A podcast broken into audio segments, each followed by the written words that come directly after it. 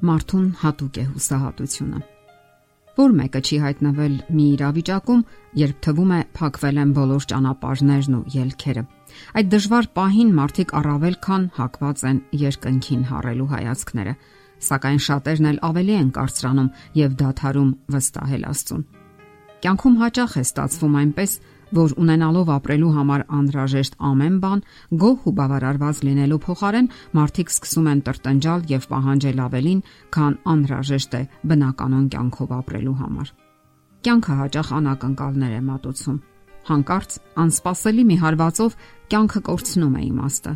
Մենք պայքարում ենք հանգամանքների ու մարդկանց դեմ, խնդիրների ու անընդհատ առաջացող դժվարությունների դեմ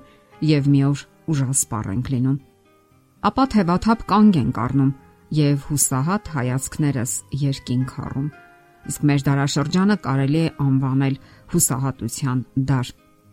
Այն արտացոլվում է միայնության եւ ինքնասպանությունների ալիքներում։ Դա տեղի է ունենում այն ժամանակ, երբ մարդիկ մտածում են, թե Աստված մոռացել է իրենց։ Սակայն ոմանք էլ խոստովանելով, որ անզոր են լուծելու այս կյանքի առաջադրած հիմնախնդիրները, դառնում են Աստծուն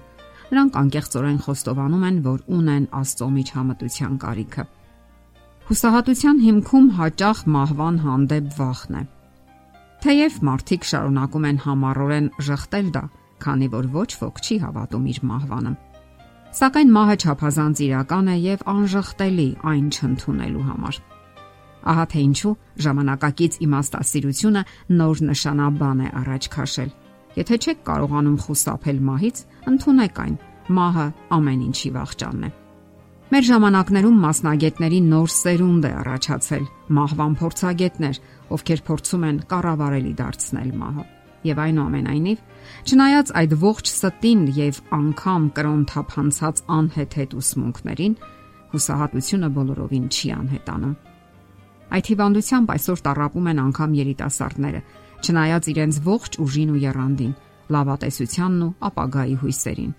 Հուսահատությամբ այսօր տարապում է ողջ արվեստի աշխարհը։ Այն ներթափանցել է գրականություն, երաժշտություն, թատրոն, եւ որքան բարձր է հնչում այդ արվեստը, այնքան անելանելի է դառնում հուսահատությունը։ Հուսահատությունը մեր իրականության անբաժանելի մասն է, բայց ո՞րն է վերջապես դրա հիմնական պատճառը եւ ի՞նչն է ծնում այն, կա արդյոք որևէ միջոց դրա դեմ։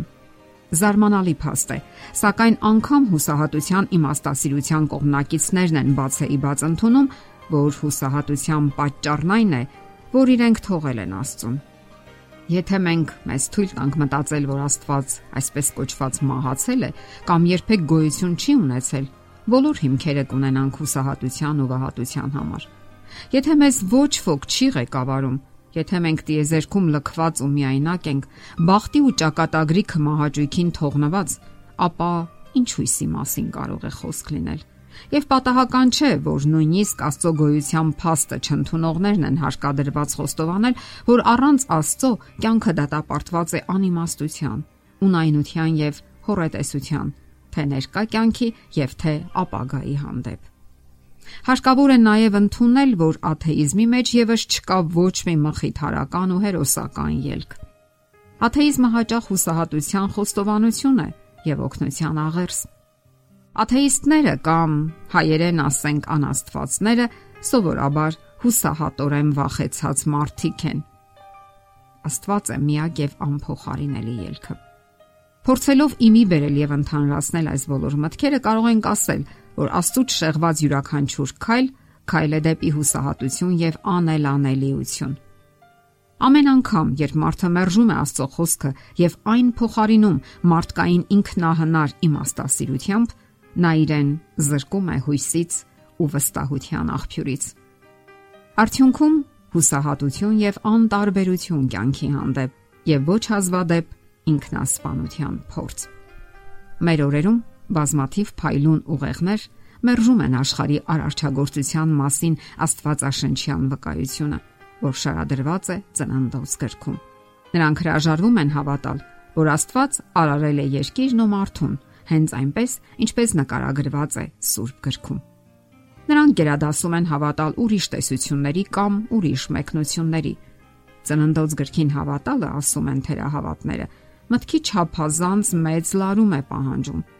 Կան նաև այնպիսիները, ովքեր գերադասում են ընդհանրապես գործ չունենալ Աստծո հետ։ Նրանց համար ավելի հեշտ է հավատալ, որ մեր մոլորակը պարզապես պատահականության արդյունք է։ Մենք էլ մարդիկս նույնպիսի պատահականության հետևանք դատապարտված անիմաստ գոյատևման եւ վերջնական ոչնչացման։ Բայց արդյոք ավելի մեծ հավատ չի պահանջվում սրան հավատալու համար։ Հնարավոր է հավատալ, որ հերոստացույցը կամ հաշվողական տեխնիկան ստեղծվել է ինքն իրեն, առանց կողմնակի միջամտության։ Կամ ասենք ինքնաթիռը կարող է թռչել ու ղեկավարվել առանց մարդու։ Եվ այնուամենայնիվ այսօր շատերն են պնդում, որ անհամեմատ ավելի բարդ մարդկային բանականությունը հայտնվել է ինքն իրեն պատահականորեն մեծ պայթյունի արդյունքում։ Ընթունենք, որ շատ ավելի մեծ հավատ է պահանջվում սրանց հավատալու համար։ Մարդկային միստվար բանակ էլ հավատում է էվոլյուցիային, անընդմեջ առաջընթացին, մարդկային բանականության վերջնական հաղթանակին։ Եվ այս ամենի արդյունքում մարդն անընդհատ հուսահատություն է ապրում Աստծո խոսքում կարդում ենք. Կործանում եւ թշվառություն է նրանց ճանապարհներում եւ խաղաղության ճանապարհը չճանաչեցին։ Աստծո երկյուղը նրանց աչքերի առաջ չէ։ Ելքը Աստված է։ Միակ ու ճշմարիտ ուղին Աստծո նախանշած ուղին է։ Միայն նա կարող է խաղաղություն եւ հանգստություն ապարգևել մարդու հոգնատանջ հոգուն եւ դաթար նրա թափառական դեգերումների ճանապարհին Ընտրենք այդ ուղին, ընտրենք կյանքի Աստվածային խոսքը։ Այն հավերժական խաղաղություն եւ հանգիստ է խոստանում։ Աստծո հետ միաբանությունը կյանքի ճշմարիտ իմաստն ու ուղին է։ Եվ նա մեկ ընդմիշտ վերջ կդնի հուսահատությանը։ Եթերում ղողանջ հավերժության հաղորդաշարներ։